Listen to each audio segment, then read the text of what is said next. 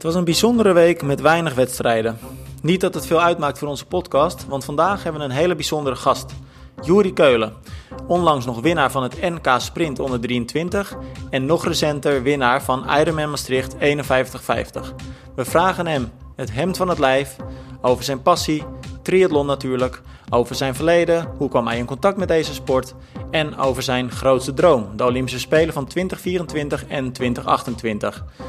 Dat en nog veel meer over Juri Keulen in deze nieuwste aflevering van Triathlon Praat.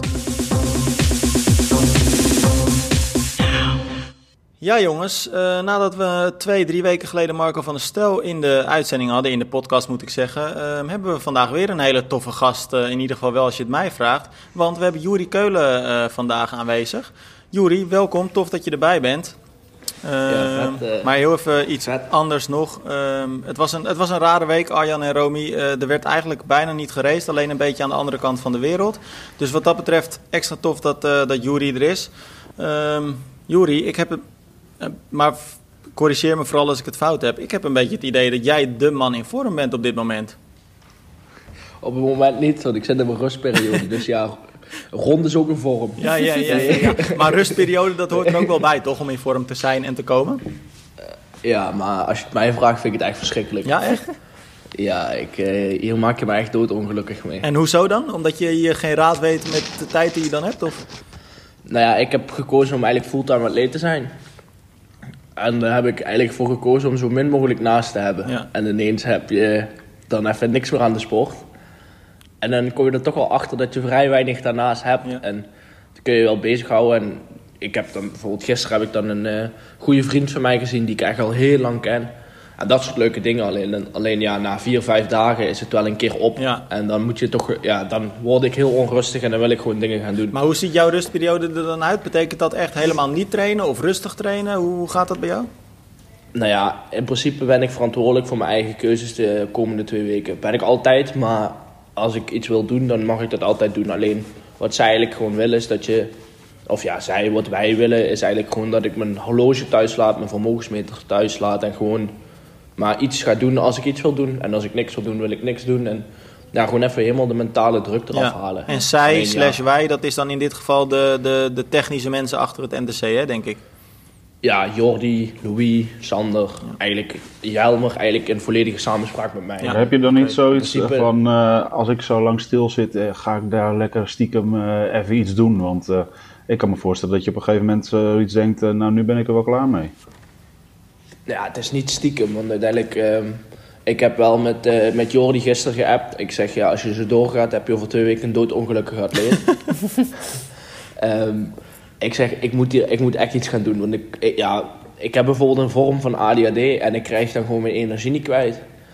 En dat wordt gewoon lastig. En dan uh, lig ik s'avonds om 11 uur nog steeds niet, uh, niet op een oor en nog steeds niet te slapen. En dat, dat wordt steeds later en steeds later, omdat ik gewoon mijn energie niet kwijt. Maar je kunt toch ook je. Maar ik, ik heb er niet zo heel veel verstand van. Maar ik kan me zo voorstellen dat je ook je energie wel kwijt kunt in, uh, weet ik veel, een potje op de PlayStation. Of desnoods buiten een potje tennis of een lange wandeling. Dat hoeft toch niet per se triathlon training te zijn? Of? Nee, nee, nee. Maar dat soort dingen doe ik ook. Ja. Zoals gisteren. Uh, ja, heb ik gewoon zes keer klop gekregen van mijn broertje op FIFA. En ze waren alle zes boven de 5-0. Jantje noemen ze dat toch? Eh, ja, dan krijg je gewoon billenkoek. en dan zeg, dan zeg je eigenlijk gewoon, ja, kom maar een rondje hardlopen, weet je. Dan heb je toch een idee dat je ergens iets kan winnen. Ja, ja, ja.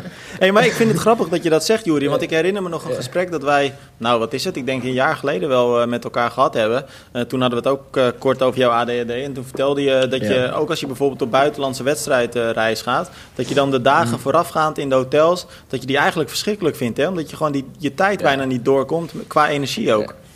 Ja, maar het is het niet zozeer. Ik, ja, ik zeg altijd, ik ben heel open over uh, mijn ADHD tegen mensen. Als mensen het vragen, dan vertel ik gewoon alles. En ik, ja, ik ben daar heel open en eerlijk in. En ik zie dit ook vooral niet als een nadeel. Nee. Alleen ik merk wel dat ik, ja, ik ben niet voor niets triathlon gaan doen. En ja, ook omdat ik het leuk vind, maar ook omdat ik, ja, ik voetbalde altijd al, atletiek altijd al gedaan. En ik deed altijd wel hele, ja, energie... Um, sporten waar ik mijn energie in kwijt kon. Ja, want neem ons, neem ons eens mee in de geschiedenis van de kleine Juri Keulen. Want toevallig zaten wij net op YouTube een beetje video's van jou te bekijken. En dan zagen we al een heel uh, aantal jaren terug wat loopfilmpjes van je voorbij komen. Hoe, hoe ben jij een beetje in aanraking gekomen met die triathlonsport? Nou ja, ik um, was een jaar of vier en toen ben ik samen met mijn vriendjes gaan hobbelen bij VV Spouwweek op de mini-F. En dat vond ik heel leuk, samen met mijn broertje ook in een voetbalteam. En daar heb ik eigenlijk een beetje de, de, de echte jeugd doorlopen, weet je wel, tot de eetjes, dat je een jaar of tien bent. En um, altijd met mijn broertje. En mijn broertje was altijd wel de betere voetballer dan mij, alleen hij was fysiek wat minder. We zijn, uh, wij, ik ben de oudste van een drieling en we zijn met 26 weken geboren en we wogen alle drie iets minder dan een kilo. En um, ja, het is eigenlijk bizar dat we er nu nog zijn. Zou ik, maar, ja, zou ik het zo zeggen. Um, en alle drie ook ja, kerngezond. Mijn broertje die studeert dan verpleegkunde. Mijn zusje doet de universiteit in Antwerpen. En ik, ja, ik doe sport op het hoogste niveau. Ja.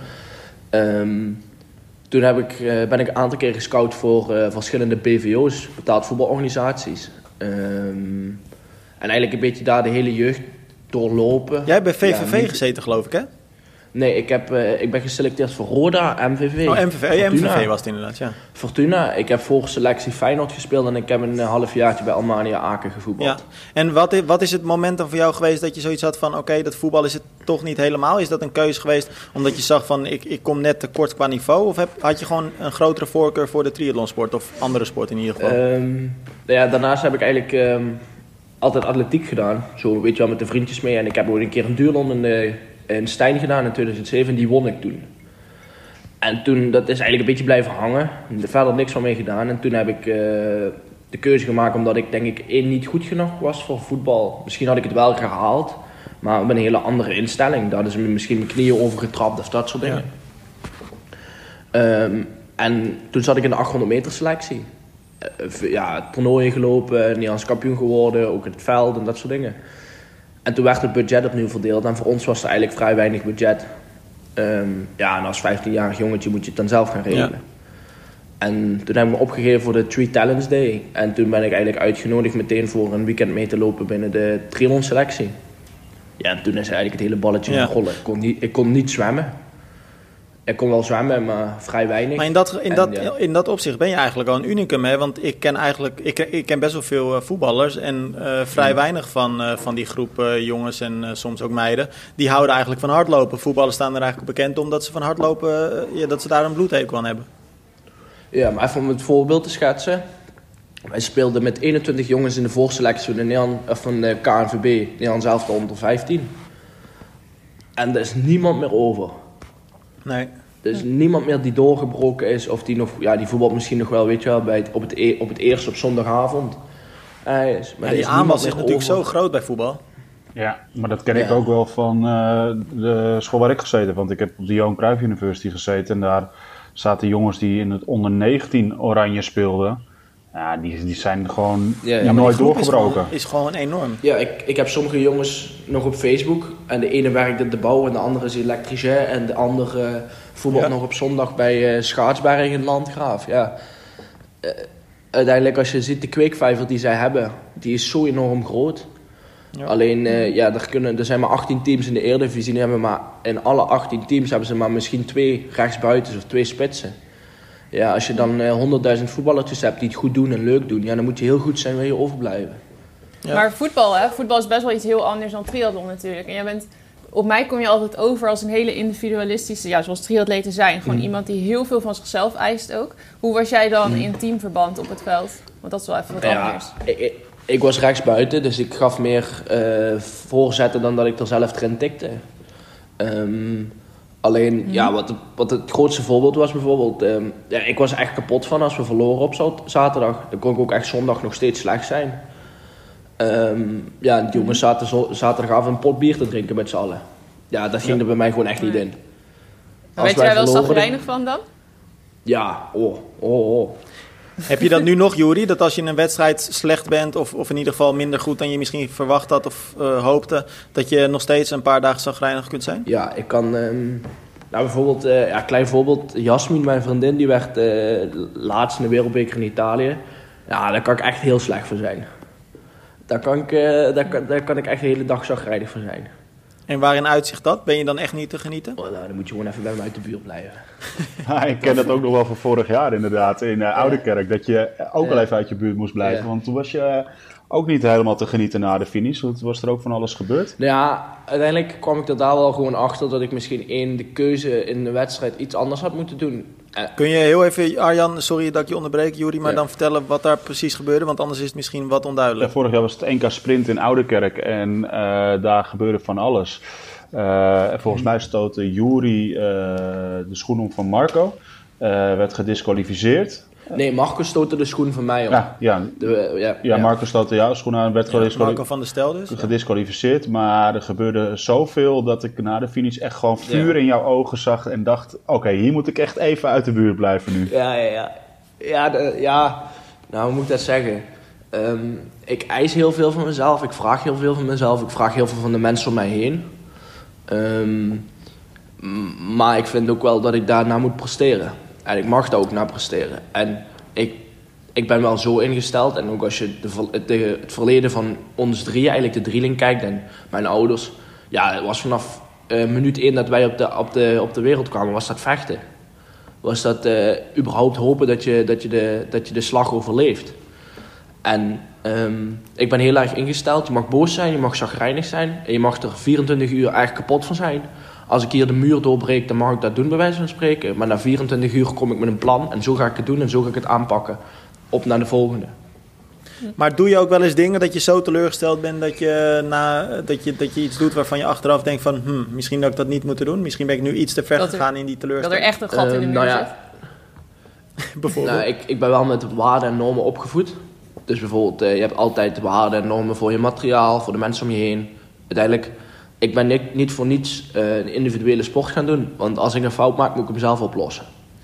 Ja. En met voetballen, als ik een, uh, een dubbele schaar maak, speel hem door de benen, ik verlies naar de bal, dan kan de nummer 10 kan hem nog opvangen.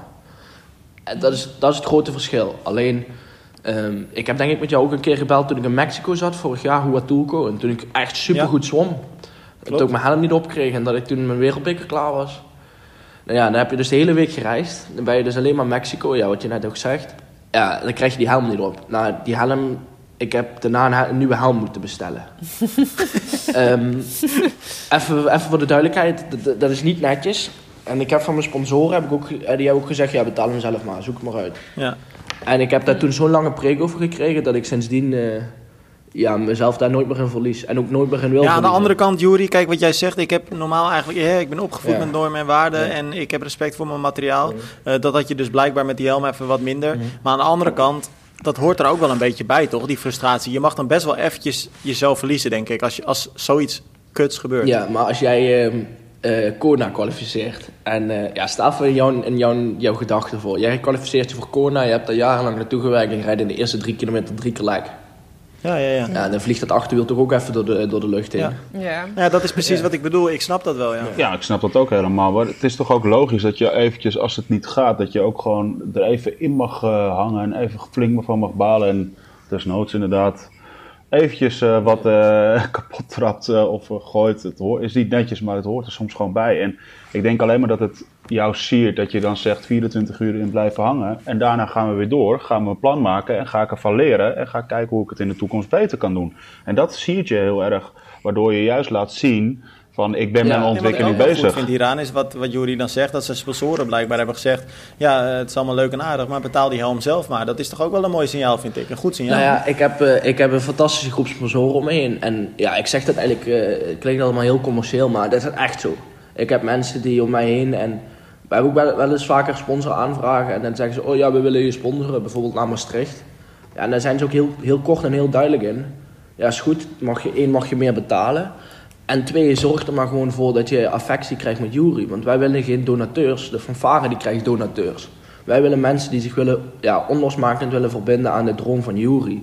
En, en of het nou goed gaat of slecht gaat, of, of Ehm, ik zit in, in, in, in Mexico voor een week of ik, ik, ik ben aan de andere kant van de wereld, dat maakt ze niet uit.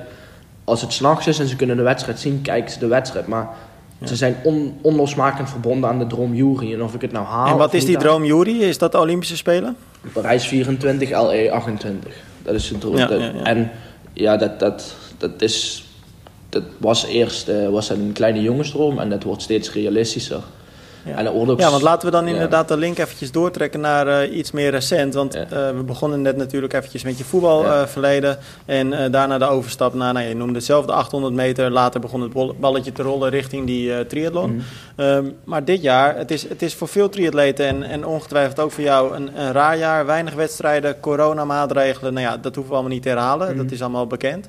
Um, maar eigenlijk alle wedstrijden die er nog waren uh, was jij goed. En dan met als hoogtepunt natuurlijk het NK onder 23 uh, eh, sprint, waarin je de titel pakte. Waarin je Joey van het Verlaat en uh, Victor Gounet, nou ja, bijna declasseerde. Zo groot was het verschil.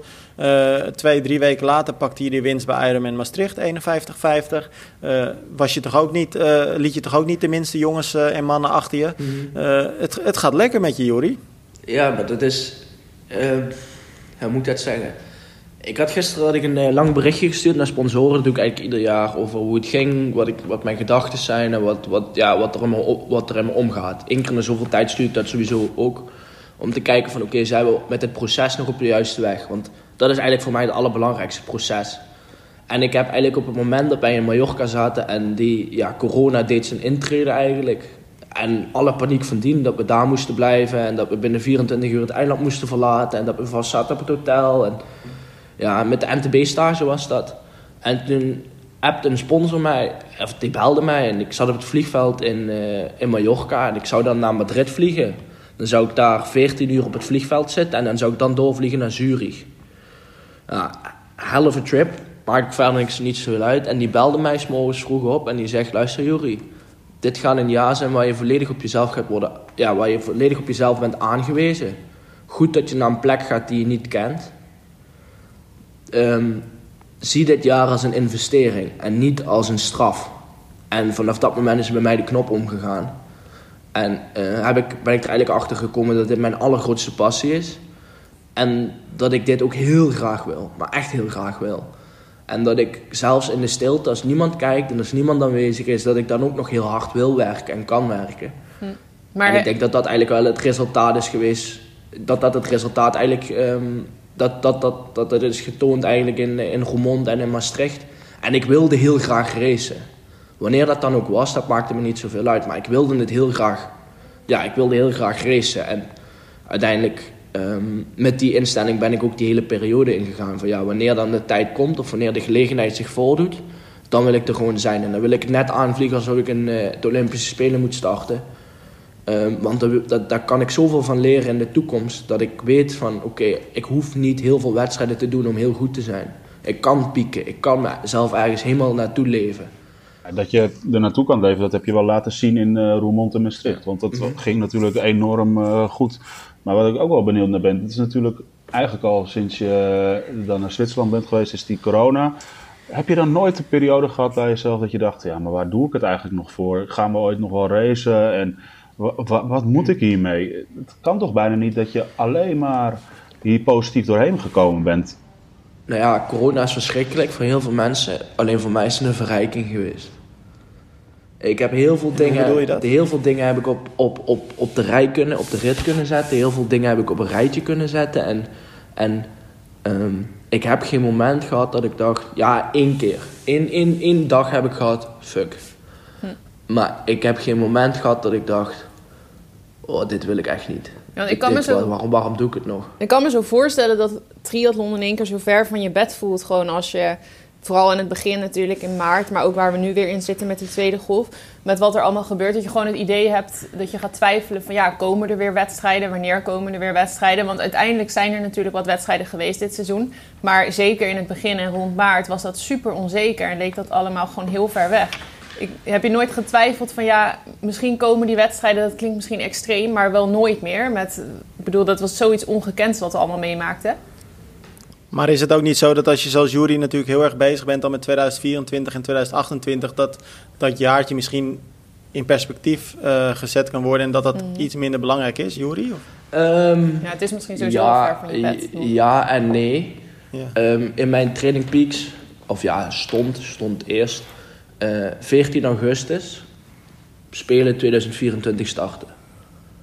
Met, dat, dat was eigenlijk, dit jaar was eigenlijk bedoeld voor, oké, na de Spelen beginnen mijn Spelen. Dan begint mijn traject richting 24. En dan moet de blauwdruk af zijn en moet ik gewoon er alles aan doen om zo goed mogelijk te zijn. Daarvoor ben ik ook dit jaar met de Zwitsers meegegaan op trainingsstage, omdat ik gewoon heel graag wou ontdekken. Ik wilde heel graag weten, oké, waar word ik wel goed van, waar word ik niet goed van. We hebben DNA-onderzoek gedaan en we zijn heel ver gekomen. En ja, die blauwdruk die is nu ook gewoon wel redelijk af, ja. Ik weet nu wel waar ik naartoe wil. En, en ja, het fijne is bij mij, althans zo zie ik het. Ehm, ja, ik, nogmaals, kom ik weer terug op die sponsoren, maar ja, dat is echt een rode draad in mijn, in mijn, mijn carrière. Die mensen hebben mij echt geleerd om heel erg bezig te zijn met het proces. Ze hebben gewoon gezegd, topsport is ondernemen en ondernemen is topsport.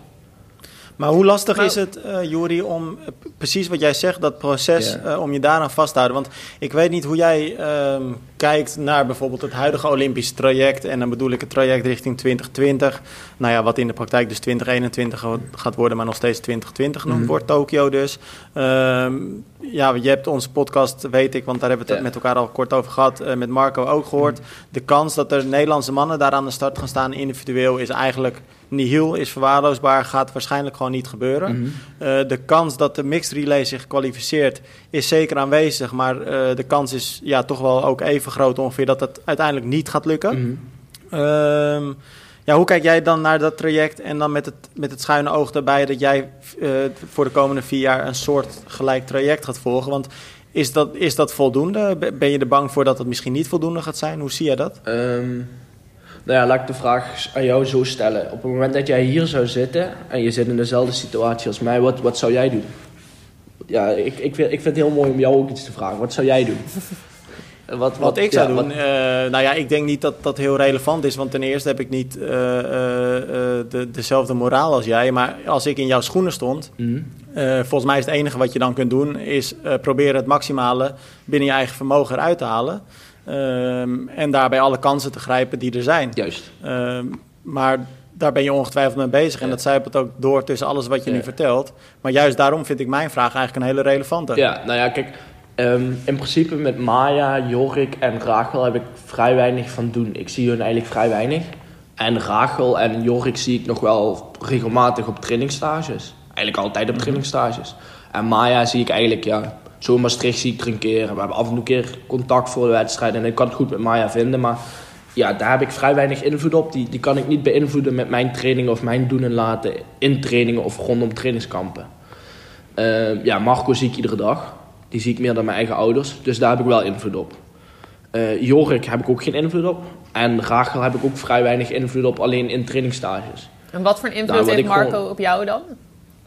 Um, ja, Marco is toch een beetje de grotere broer van mij. Ja, klinkt raar, maar zo zie ik het wel. Hij is de oude, oude, ver, uh, ja, oude verloren zoon soms van mijn ouders, bij wijze van spreken. Had de vierde van de ehm, vierling moeten worden. Ja, nou ja, in het begin heeft, heeft Marco en Menno ook zijn heel vaak bij mijn ouders thuis geweest. En dat is een tijdje geleden. Dus ik, die band van toen zie ik nog steeds wel een beetje zo van... Uh, oh ja, ik vind het leuk om met hem te zijn en... Uh, um, ja, ik kan het goed met hem vinden. Ja maar, maar kun je eens proberen nog terug te komen op mijn vraag? Want ik ben daar heel erg benieuwd naar. Want kijk, ik twijfel er niet aan of jullie hele goede vrienden zijn en veel aan elkaar hebben. Alleen mijn vraag is, hoe kijk je een beetje naar dat traject dat ze nu zijn ingeslagen en werkt dat voor jou? Uh, ja, ik heb er vrij weinig invloed op. Um, het enige wat ik kan doen is zorgen dat ik zo'n goed mogelijke atleet word. Ja, je hebt wel, je hebt wel weinig invloed natuurlijk op, uh, op, op, op het traject wat er nu loopt. Maar als je gewoon eens kijkt naar het traject wat je natuurlijk straks ingaat richting 2024, richting Parijs, dan kan je natuurlijk wel uh, bekijken van zie je nu punten in dit traject waarvan je denkt van uh, kan dit beter of kan dit anders? Want ik vond het ook wel heel mooi wat ik jou eerder deze podcast hoorde zeggen, is uh, dat je naar Zwitserland bent gegaan om te kijken, uh, te ontdekken daar. Ligt er misschien bijvoorbeeld een traject richting uh, Parijs, misschien wel bij een buiten, buitenlandse team, zoals Rago, en dat natuurlijk in het verleden gedaan heeft? Of wellicht combineren, dat kan ook wel. nou ja, ik sluit niks uit, want in februari zaten we in Namibië en toen dachten we, haha, corona, en nu zitten we er nog steeds mee. Ja. Dus ik sluit niks uit. Um, ik, ik, ik wil heel graag leren. En op dit moment heb ik het idee dat ik nog niet uitgeleerd ben binnen het NTC. Op dit moment maak ik ook stappen. Alleen ja, we weten niet hoe zich dat internationaal vertaalt. je kan wel dingen vergelijken, maar dat is ja, hetzelfde korfbal en voetbal vergelijken. Ja, ja dat weet, niemand weet waar die staat momenteel. Dat is gewoon lastig, want er zijn geen wedstrijden, iedereen zit anders erin. Dus... Ja, alleen ik weet wel met alle testresultaten en de dingen die ik doe en de dingen die ik voel en, en daarnaar kijk. Ehm, en even dan terugkomen op de vraag van, van Tim. Um, ja, teamrelay ligt binnen mijn, binnen mijn mogelijkheden, binnen mijn kansen. Alleen ik vind het nog te vroeg om uit te sluiten dat ik alleen vol voor de teamrelay moet gaan. En ik hoop heel erg dat ik van het traject wat, wat, wat de atleten die nu naar Tokio gaan, um, wel of niet gaan, dat ik daar heel veel van mag leren. En dat de, de goede dingen en de fouten die zij maken op dat traject, dat ik die mag meenemen en dat ik die kan toepassen of niet hoef te maken dat is een beetje mijn instelling in het hele project. En ik probeer natuurlijk waar ik kan, probeer ik mijn steentje bij te dragen. Of dat nou mijn trainingsstage is, of dat ze mij dadelijk in één keer gaan selecteren wel voor een wedstrijd. Of, maar vorig jaar heb ik nog geprobeerd die top 140 in te komen. Alleen, ja, het is niet één keer in de vier jaar, maar het is iedere dag, dat zeggen ze wel eens. En ik ben gewoon te laat begonnen voor dat traject. Ja, maar je bent ook nog jong en jij bent nog iemand die zich volop kan ontwikkelen. En om nu al te gaan in, voor die top 140. Ik, ik vind dat vroeg inderdaad. En ik denk dat jij veel beter de tijd kan nemen om je op 2024 en 2028 te richten. En langzaam die stappen te maken. Je bent nog jong qua sporter ook. Uh, je doet uh, niet zo heel lang aan triathlon. Dus je hebt nog alle tijd om te groeien. En dat denk ik dat het uiteindelijk jou gaat helpen uh, om rustig die stappen te maken. En met de instelling die je hebt om te kijken waar je kan verbeteren dan dat je dat heel gehaast gaat doen en maar wilt blijven pushen, blijven pushen om die 140 te halen. Ik denk dat je daar uiteindelijk veel ongelukkiger van was geworden dan dat je, uh, hoe je nu uh, bezig bent en in de wedstrijd zit. Ja, dat is vorig jaar ook al gebeurd. Ik heb vorig jaar heb ik dan Wereldbeker Madrid gereisd, net niet goed genoeg. EK en Weert, net niet goed genoeg. Dan trainingsstage in Sierra Nevada. Goed zijn, ziek worden. Net niet goed genoeg zijn in de volgende wedstrijd. Huatulco, net niet goed genoeg. Antwerpen ziek zijn. Hoe, hoe, frustrerend is dat voor jou, uh, Juri? Want ik weet, voor, eigenlijk voor iedere topsporter is het natuurlijk frustrerend als een wedstrijd niet uh, goed gaat. Als je net niet goed genoeg bent.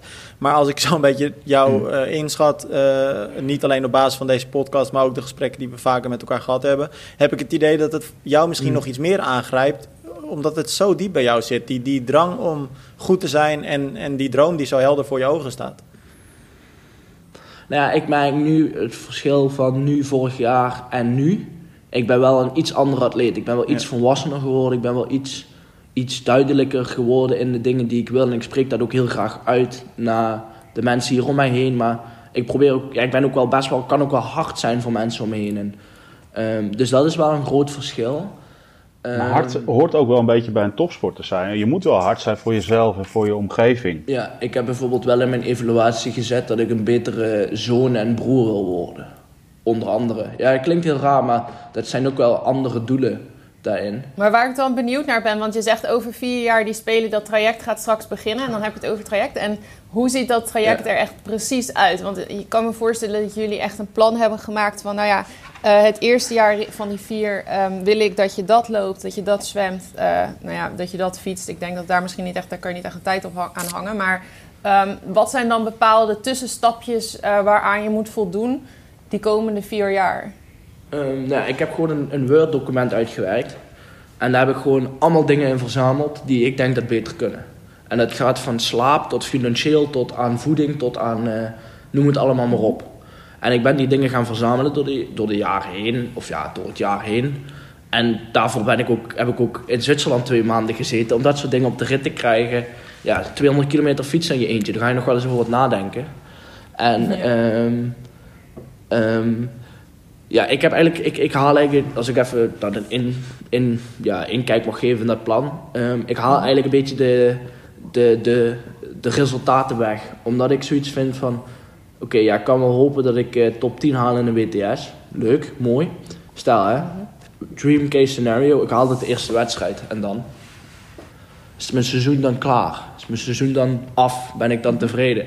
Dan zal ik altijd. Ja, ik bedoel niet wedstrijd... echt in een, in een wedstrijd, want ik kan me voorstellen dat ja. dat inderdaad lastig is ja. om daar een positie aan vast te Want dat iedere wedstrijd is ook weer anders en zo. Ja, um, maar meer dat, in dat training um, wil je misschien bepaalde doelen behalen, uh -huh. bepaalde tijden lopen. Nou ja, ik heb. Uh, iedere zwemwedstrijd die ik mee heb gedaan in de triathlon heb ik, heb ik ontleed. Heb ik gekeken, oké, wat is er nodig voor een wedstrijd te winnen? Wat zwemt de eerste? Uh, wat zwemt de nummer, uh, de, ja, wat zwemt het podium überhaupt? Hoeveel kom ik erachter? En zo ben ik eigenlijk gaan kijken van oké, wat is er nodig? Kijk, ik weet met mijn zwemervaring dat ik geen uh, standaard eerst uit het water ga komen. Het zal heel vaak net aan, net niet zijn. Alleen, um, wat is daarvoor nodig? Waar moet ik naartoe en hoe gaan we dat samen doen? En, wat is dan precies bij het zwemmen bijvoorbeeld? Wat is bij het um, zwemmen echt het ding wat beter moet? Nou ja, um, ja, jullie kennen misschien wel de dingen van ADHD. Focus is een van de dingen. Um, als ik kijk naar de tijden die ik in een zwembad zwem, ja, ik zwem uh, 4,20 om een 4 vrij. Um, ik zwem een lactaattest een 4,29. Als je dat ziet en je ziet de tijden bijvoorbeeld van een Richard, ja, dan hoor ik er eigenlijk gewoon altijd bij te zitten. Maar er gebeurt iets in dat zwemonderdeel en ik weet niet wat en dat zijn we nu ontleden en ondertussen ben ik er wel een beetje uit wat. Gebeurt er, waardoor ik er net niet bij zit. En ik denk dat dat één, um, ik, mijn lichaam zit zo in elkaar dat als ik mezelf over de kook jaag, dat ik dan ook gewoon niet meer herstel. Dus ik kan bijvoorbeeld uh, in een zwemtest kan ik gewoon 17 lactaat halen. Ja, als jij dat in de eerste 400 meter van een zwemonderdeel doet, ja, dan wordt het een hele lange 5 kilometer op het laatste. Ja, dat soort dingen. En dan zijn we nu aan het kijken hoe kan ik, kan ik mezelf beter gaan pacen. Maar ook als ik om een boei kom en het wordt iets oncomfortabel. Hoe kan ik uh, niet de focus leggen op oké, okay, um, nummer 34 met je badmuts, ik sla je helemaal in elkaar. Maar hoe kan ik de focus leggen? Oké, nummer 35, in de benen lig ik bij jou. Ik zorg dat ik om jouw benen rondkom en dat ik dan verder ga kijken. Ja, dat iets meer na blijven denken in de wedstrijd, ook nog tijdens het Ja, vooral, vooral blijven focussen. In mijn bubbel blijven. Um, het mag oncomfortabel zijn, maar het moet niet zo zijn dat ik um, daardoor mijn wedstrijd te negatief beïnvloed. Is het ook wel eens een, uh, een, ja, zwaar is misschien niet het juiste woord, maar ja. ik, ik gebruik het toch, maar een, een beetje een, een ja, het, nou, het, klinkt, het klinkt te zwaar, ja. zo bedoel ik het niet helemaal, maar ja. is het wel eens zwaar om uh, zo uh, te leven voor de sport zoals jij dat doet? Want je zegt het al, je ontleedt alles, je bent overal mee bezig, je bent altijd met lange termijn doelen en plannen bezig. je probeert voor alles een plan te maken. Dat is ook best wel een belasting op je ja, privéleven, denk ik. Ja, ja, best wel. Mijn, mijn ouders, ik had gisteren toevallig een gesprek erover met mijn ouders. En die zeggen, ja, jij bent Jury Plus. En daar bedoelen ze mee, als ik me iets minder voel, voel ik me altijd net iets meer minder. Als ik me iets goed, als ik goed voel, ben ik ja. altijd net iets meer beter.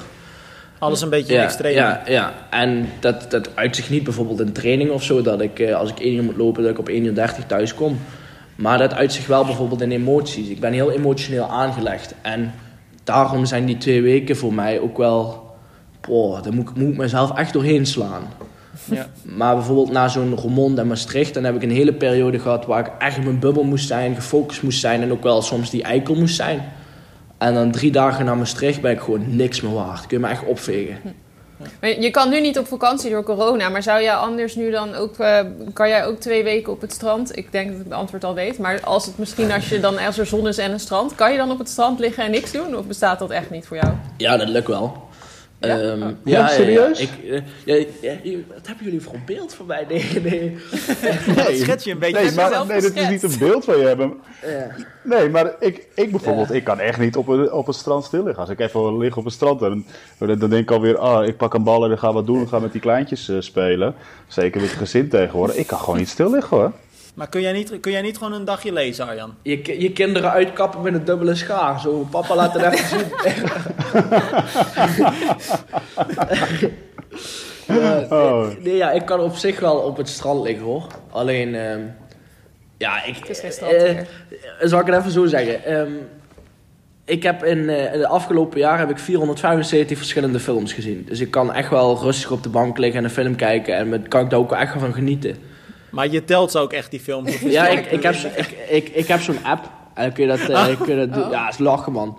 Uh, ja, ik ben, ik ben ook wel eens vaker met Menno. Ben ik ook wel eens uh, in de winter zijn we gewoon twee keer per week naar de bioscoop gegaan. Ja, dat is heerlijk. Vind ik heerlijk. Alleen, um, ja, na twee dagen heb ik dan ook wel genoeg gehad. Dan hoef ik ook ja, geen strand Volgens mij komt zien. het er gewoon op neer dat je best uh, makkelijk kunt ontspannen. Zolang ja. je ook maar je training hebt. Of je in ieder geval je energie kwijt kunt. Ja, zolang ik maar iets heb in de dag waardoor ik niet, uh, niet een beetje stom voor me uit zitten kijken en hopen dat het weer donker wordt, bij wijze van spreken. Nee, maar dat is ook volgens mij echt het type wat jij niet bent. Ja. Want jij moet gewoon ja. iets voor ogen hebben, je moet een doel hebben, je moet ergens naartoe werken, je moet bezig zijn. En is het niet bezig met echt trainen, dan is het wel bezig met analyseren. Je bent er zo in gefocust. En dat vind ik zo knap. Dat mis ik wel eens gewoon bij een heleboel andere sporters. Het is echt een verademing wat ik hoor wat dat betreft.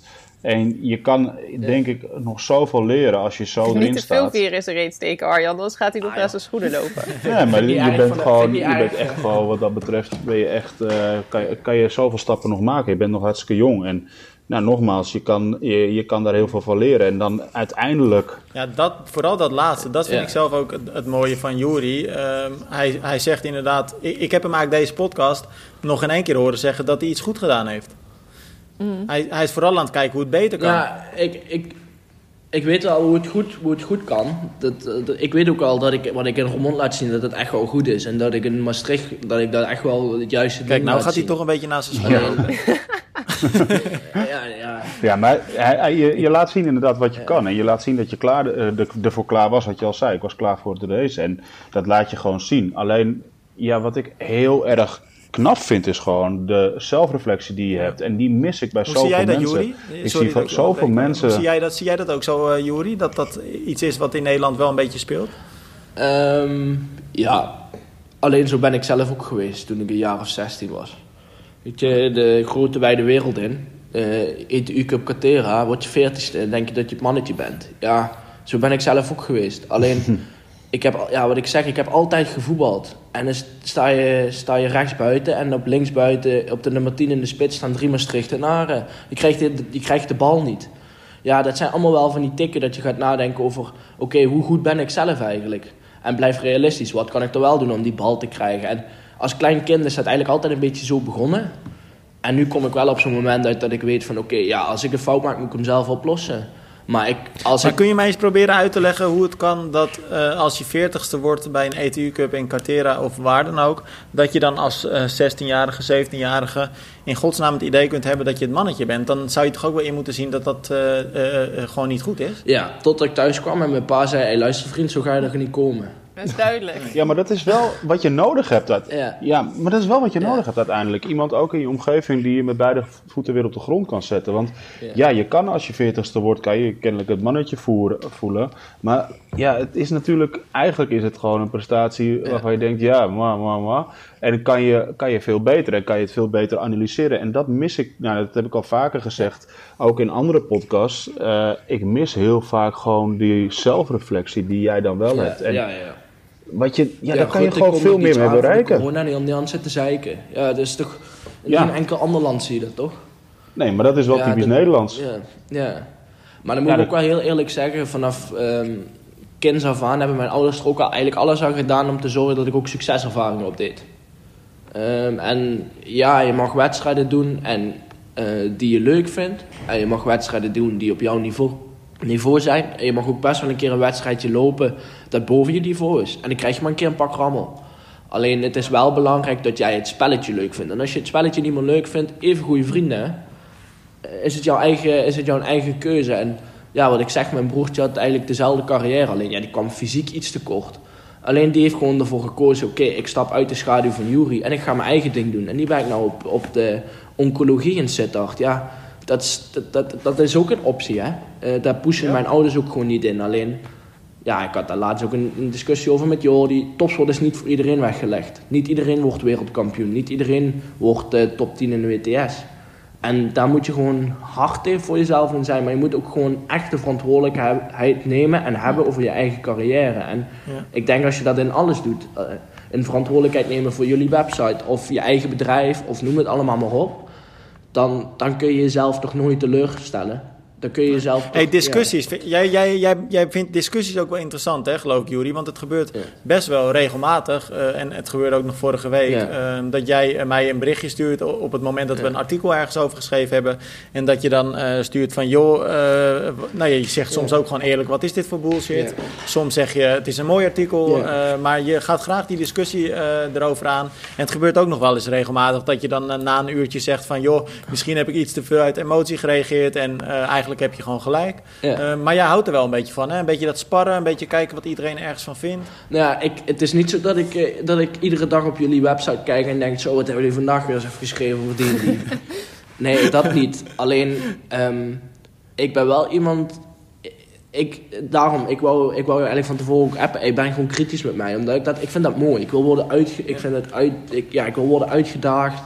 Um, ik wil, ja, ik krijg daar energie van. Ik vind dat mooi. Ik vind dat, daar wordt iedereen, vind ik, op een bepaalde manier beter van. En Jordi die appte soms... ons juist, omdat we juist een beetje uh, rustig moesten doen. Oh. oh, dat kan. Dat, dat zal nou, zal ik zo zeggen. Jordi en ik hebben een beetje een plan. En dat is, sommige, sommige atleten moet je uit de comfortzone halen. Bij mij moet je niet te veel uit de comfortzone laten halen. Dat mag je wel doen, maar in trainingen niet te veel, want dan wordt het echt, uh, ja, Jury Plus. Dan wordt het echt, ja... wat, wat vind je in dat opzicht van triathlon? Vind je dat we kritisch genoeg zijn? Ja, ik vind het wel. Ik vind het wel een mooi format. En ik vind dat jullie kritisch genoeg zijn. Um, alleen, ja, jullie, jullie, jullie zijn goed voor de Nederlandse triathlon. En, en daarvoor vind ik wel, want ik, ik draag dat ook uit. En ik ben hier ook onderdeel van het Nederlands team. En uh, ik vind wel dat, dat we dat met z'n allen moeten proberen om dat op zo'n goed mogelijke manier op in kaart te brengen. En dan vind ik ook dat ik kritisch mag zijn. Mm -hmm. En, nou ja, wat dat betreft waarderen we het ook. En dat, ik spreek dan zeker niet voor mezelf, maar ook voor Romy en uh, voor de rest die betrokken is bij uh, Driathlon. Alleen maar tof als je ons dat soort uh, berichtjes soms stuurt. En ook als je kritisch bent. Want nou ja, altijd interessant om, om, om het ook vanuit jou en andermans kant te horen. Jury, waar zie je jezelf over, nou, pak een beetje 15 jaar. Stel je, je hebt 2024 en 2028 gehaald. denk je al verder? Denk je bijvoorbeeld over een overstap naar de middle distance, long distance? Of ben je daar totaal niet mee bezig? Um, boah, ja, uh, als ik dus bijvoorbeeld Kona zie, dan denk ik wel, ja, dit zou ik wel willen doen. Maar ik denk ook gelijk, nee, ik weet het niet. um, ja, een beetje haat-liefde verhouding met lange afstand. Als ik dan zo Maastricht doe, dan denk ik, ja, dat zou ik wel vet vinden. Gewoon eens een keer een halve te doen of zoiets.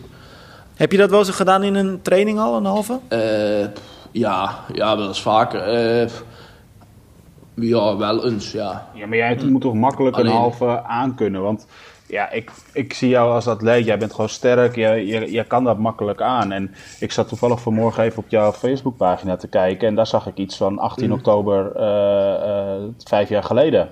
Weet je nog wat dat was? Ja. Ja, dat was het werelduurrecord op de wielenbaan van Geleen. Ja, dat ja. Ja, daar, reed je gewoon in een uur. Een eh, werelduurrecord van uh, onder de 18, 41,2 km per uur uit mijn hoofd. Ja. ja, weet je, dat zijn gewoon prestaties. Toen was ik 17, 15. Ja, vijf jaar geleden inderdaad. Dat was vijf jaar geleden. Ja. Toen was je hartstikke jong. Daar ben, ik, daar ben ik gestorven. Oh man. Ja, maar precies, daar ben je gestorven. Maar ik denk dat je daar meer gaat sterven dan dat je als je een hele gaat doen. En jij, jij kan die knop volgens mij wel omzetten. Maar jij bent nu nog zo in dat traject met Parijs en Tokio, of Parijs en Los Angeles bezig, dat je helemaal nog niet met een halve bezig bent. Maar ik denk dat jij echt wel een atleet kan zijn die hoge ogen kan gooien uiteindelijk. Grootste uit... dat, dat, kan jij wel. Maar ik denk dat je daar niet over na kan denken, toch nu? Als je zo die focus op de Spelen hebt, dan denk je van ja, die halve, dat, dat wil je nog helemaal niet over nadenken. Want Laat ik even iets voorop stellen, want um, dat is misschien ook wel belangrijk. Of ik nou de Spelen haal, ja of nee, dan is mijn carrière, betekent dat niet dat mijn carrière daar succesvol in is geweest, ja of nee. Um, want ik vind het ook, het hele traject vind ik ook heel mooi en het hele uh, levenservaring vind ik heel mooi. Dus ik zeg ook vaak gewoon tegen mensen, ja maar die spelen, ja dat is een droom. Maar als ik die droom niet haal, betekent niet dat mijn carrière mislukt is. Of dat mijn leven mislukt is, of dat ik in een zwart gat kom. Ik wil gewoon in, in de tijd die ik heb als atleet, en dat weten wij ook allemaal, die is beperkt. Voor sommigen is die heel beperkt, voor sommigen is die iets langer. Ja, Frodeno kan waarschijnlijk nog steeds Kona winnen als hij 45 is. Ja, uh, dat, dat is niet voor iedereen weggelegd. Alleen ik, wat ik gewoon wil is in mijn carrière zoveel mogelijk levenservaring opdoen. Alle strijd hebben gehaald. Nooit met een wat als vraag zitten. En waar dat dan ja, waar dat dan eindigt, dat maakt me dan niet zoveel uit. En of dat nou Kona is, of de Spelen is, of uh, eh, ETU Cup in Livet, dat maakt me niet zoveel uit. Als ik dan maar gewoon alles uit heb gehaald en zoveel mogelijk levenservaring opdoe en zo met, met, een, met een glimlach kan terugkijken en denken, ja, ik heb wel echt de beste tien jaar van mijn leven gehad. Ja. Hey, lief hè, Juri. Dat, dat filmpje dat staat me ook nog op het netvlies. Uh, dat dat uh, interview in het Engels. Daar was je wel een mooie... Dat ging aardig viral, die, uh, die video van jou. Waarin je vertelde dat het nou ja, allemaal aan het gebeuren was. En de toekomst van de sport. dat was een mooie reclame voor de triathlon wel. Ja, is 75.000 keer bekeken. Ja, bizar oh, wow. hè? ik geloof dat ik zelden zo'n enthousiaste triatleet voor de camera heb zien staan. Ja, maar Tim, jij kent me ondertussen ook wel een beetje. Dat, ik, ja, ik ben puur als mens. Ik, mij zul je niet zo snel uh, horen zeggen, als ik een bril kloten vind, dan zou ik dat ook gewoon heel eerlijk zeggen. Nou, je kunt inderdaad veel over jou zeggen, maar je kunt niet zeggen dat je niet puur bent. Dat klopt wel. Volgens mij zeg je altijd alles wat er op je tong, op je, op je hart en op je tong ligt. En uh, daar moet je geen misbruik van maken, hè? nee, nee, nee. nee. dus doen we dat wel eens? Nee, toch? nee, ja, ja. Ik ben wel, kijk, weet je als, je, als je hier in de podcast met mij zit en je vraagt me de mening over verschillende atleten, zal ik je die ongetwijfeld geven. Ja. Alleen, ik ben niet ingesteld dat ik iemand met de grond gelijk moet maken. Ik wil gewoon mijn emotie delen en ik wil, wil als ik me kloten voel, wil ik me hier kunnen vertellen dat ik me kloten voel. En als ik me echt geweldig voel, dan ga ik je dat ook vertellen. Ja. En ik denk nou, dat dat, ook wel het mooie is als ik geniet ook echt van deze reis. En ik geniet ook echt van dit, dit alles. En, en zolang als dat weg is, dan zal het bij mij ook heel gauw klaar zijn. Alleen zolang dat nog niet weg is, dan, dan, dan, dan sluit ik niks uit. En dan wil ik heel graag dat traject nog blijven volgen. En daar ook gewoon realistisch naar kijken. En ik denk dat dat ook wel Maar niemand vindt zijn werk altijd leuk, toch? Is er niet af en toe dat er iemand echt tegen jou moet zeggen van... Juri, kom nou alsjeblieft je bed uit, want anders dan kun je niet meer zwemmen. Of uh, ga nou fietsen een keer of zo. Omdat als je dan ja, ehm. trainingen uit wil stellen of zo. Of heb jij daar gewoon echt geen last van? Nou, allereerst, niemand hoeft dat tegen mij te zeggen, want ik ben verantwoordelijk voor mijn eigen keuzes. Mhm. Als ik langer in mijn nest wil blijven liggen, dan blijf ik langer in mijn nest liggen. En dan kan Jordi, Louis, Sander, noem het allemaal maar op, die kunnen daar iets van vinden. Mhm. Alleen ja, het is niet hun carrière. En als ik dat doe, dan gaan zij ervan uit dat ik dat op zo'n, ja, met een goed doordachte reden doe. Alleen, Ehm, ja, het, het, klinkt natuurlijk allemaal als een sprookje. Hè, dat het allemaal fantastisch gaat en geweldig is. En als, het, als ik de afgelopen twee wedstrijden slecht had gedaan, had ik hier anders gezeten. Hè. Dat, daar moeten we wel heel eerlijk over zijn. Alleen, ja, sinds klein jongetje heb ik altijd gezegd, ik wil van mijn hobby mijn beroep maken. En of dat nou elektricien was of toptriatleet, of voetballer, of noem maar op. En ik heb nu echt op het moment van mijn hobby mijn beroep gemaakt. En dit is echt het allerliefste wat ik doe. En natuurlijk heb ik mindere dagen dat, het, dat ik mentaal even, even in een dippie zit of aan alles begin te twijfelen of te trekken en te, te duwen. Alleen de liefde voor de sport voor mij, dat verandert niet zo snel. Dat, die is niet zo gauw weg. En met die insteek en met die instelling kan ik het één, uh, krijg ik, heb ik bijna geen slechte dagen. En twee, ik weet wat mijn ouders ervoor doen, ik weet wat ik ervoor doe en mijn sponsoren ervoor doen. Ja, dan kan ik me eigenlijk zelf ook bijna geen slechte dag permitteren. Ja. Hm. Juri, wat had je denk je willen worden of willen doen in je leven als je geen topsporter was geweest nu? Topsporter? Nee, maar als je dus geen topsporter was. Ja, um, boah. Um, ja, ik heb het SEALS afgerond. Dus ik had altijd wel iets in de topsport Ja. ja, ik denk dat ik, ik zou heel graag fysiotherapeut willen worden of coach. Hm. Dat, dat, dat sluit ik ook zeker niet uit in de toekomst. Nee. Um, alleen ja, voor mij was wel vrij snel duidelijk dat ik niet in de bouw moest gaan werken of dat soort dingen. Want als ik vroeger met de blokken was in bouwen, dan lagen die door de hele kamer heen. nou, dan kunnen we wat dat betreft elkaar de hand schudden, Juri.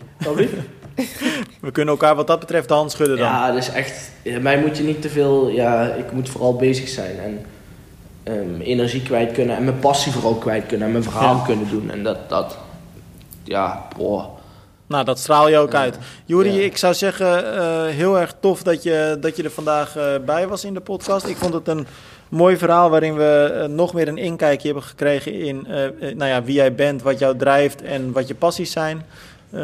ja, ik zou zeggen, Arjan, Romy, jullie nog een vraag? Of? Een vraag, maar wel echt een opmerking van, ik zou zeggen, Juri, ga zo door en blijf kritisch op jezelf en blijf jezelf ontwikkelen. Want zoals je nu bent, ga je echt volgens mij de goede kant op. Ja.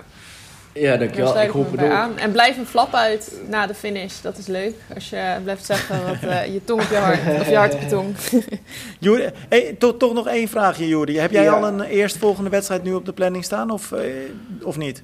Boah, ik heb denk ik het eerstvolgende trainingskamp op de planning staan. Ik denk dat dat het meest, meest haalbare is ja. en misschien het meest realistische.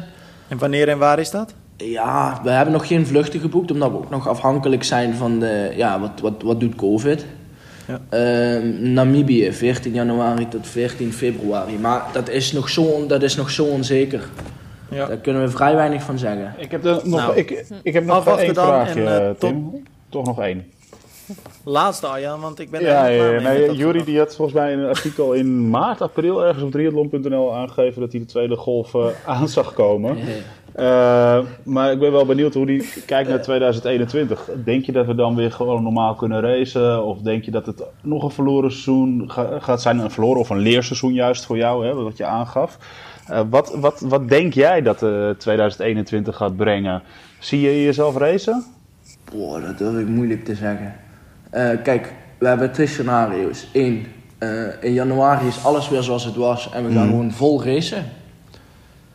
Alleen ja, jullie weten net zo goed ook. En mijn broertje werkt ook op de, op de, in het ziekenhuis. En hij zegt ook gewoon... Ja, hier zijn we echt nog lang niet klaar mee. Nee, dat scenario is sowieso niet aan de orde, geloof ik. Want in januari is het sowieso nog niet zoals het was. Dus het zou zomaar kunnen zijn dat het dadelijk in maart mm. goed gaat. En dat het in april weer terugkomt. Of dat het volgend jaar december pas weer terugkomt. Um, ja, ik ben voorbereid op twee scenario's ja, voorbereid zijn op, uh, op het moment dat het wel weer kan en dat, dat er wel weer iets gaat gebeuren. En ja, of dat, waar dat dan is en wanneer dat dan is. En ja, dat maakt me dan niet zoveel uit. Nee, je, je moet gewoon een goede winter draaien en gewoon klaar zijn voor wanneer je weer kan racen uiteindelijk. dat is denk ik het belangrijkste. Een goede winter draaien en, en of die winter tot, uh, tot augustus volgend jaar duurt, ja, dan is het maar zo. ja. ja. Nou, Jury, heel veel succes de komende weken. Uh, fingers crossed dat jullie de trainingskamp tegen die tijd door kan gaan. Maar we gaan elkaar eh, de komende tijd gewoon nog uh, spreken. Dus we blijven je volgen. En mocht er wat interessant zijn, dan spreken we je sowieso weer. Yes? Ja, jullie bedankt man yes. en dame. Was, hey, tot snel Jury. Doei. Doei, doei. Hoi, hoi. Doeg.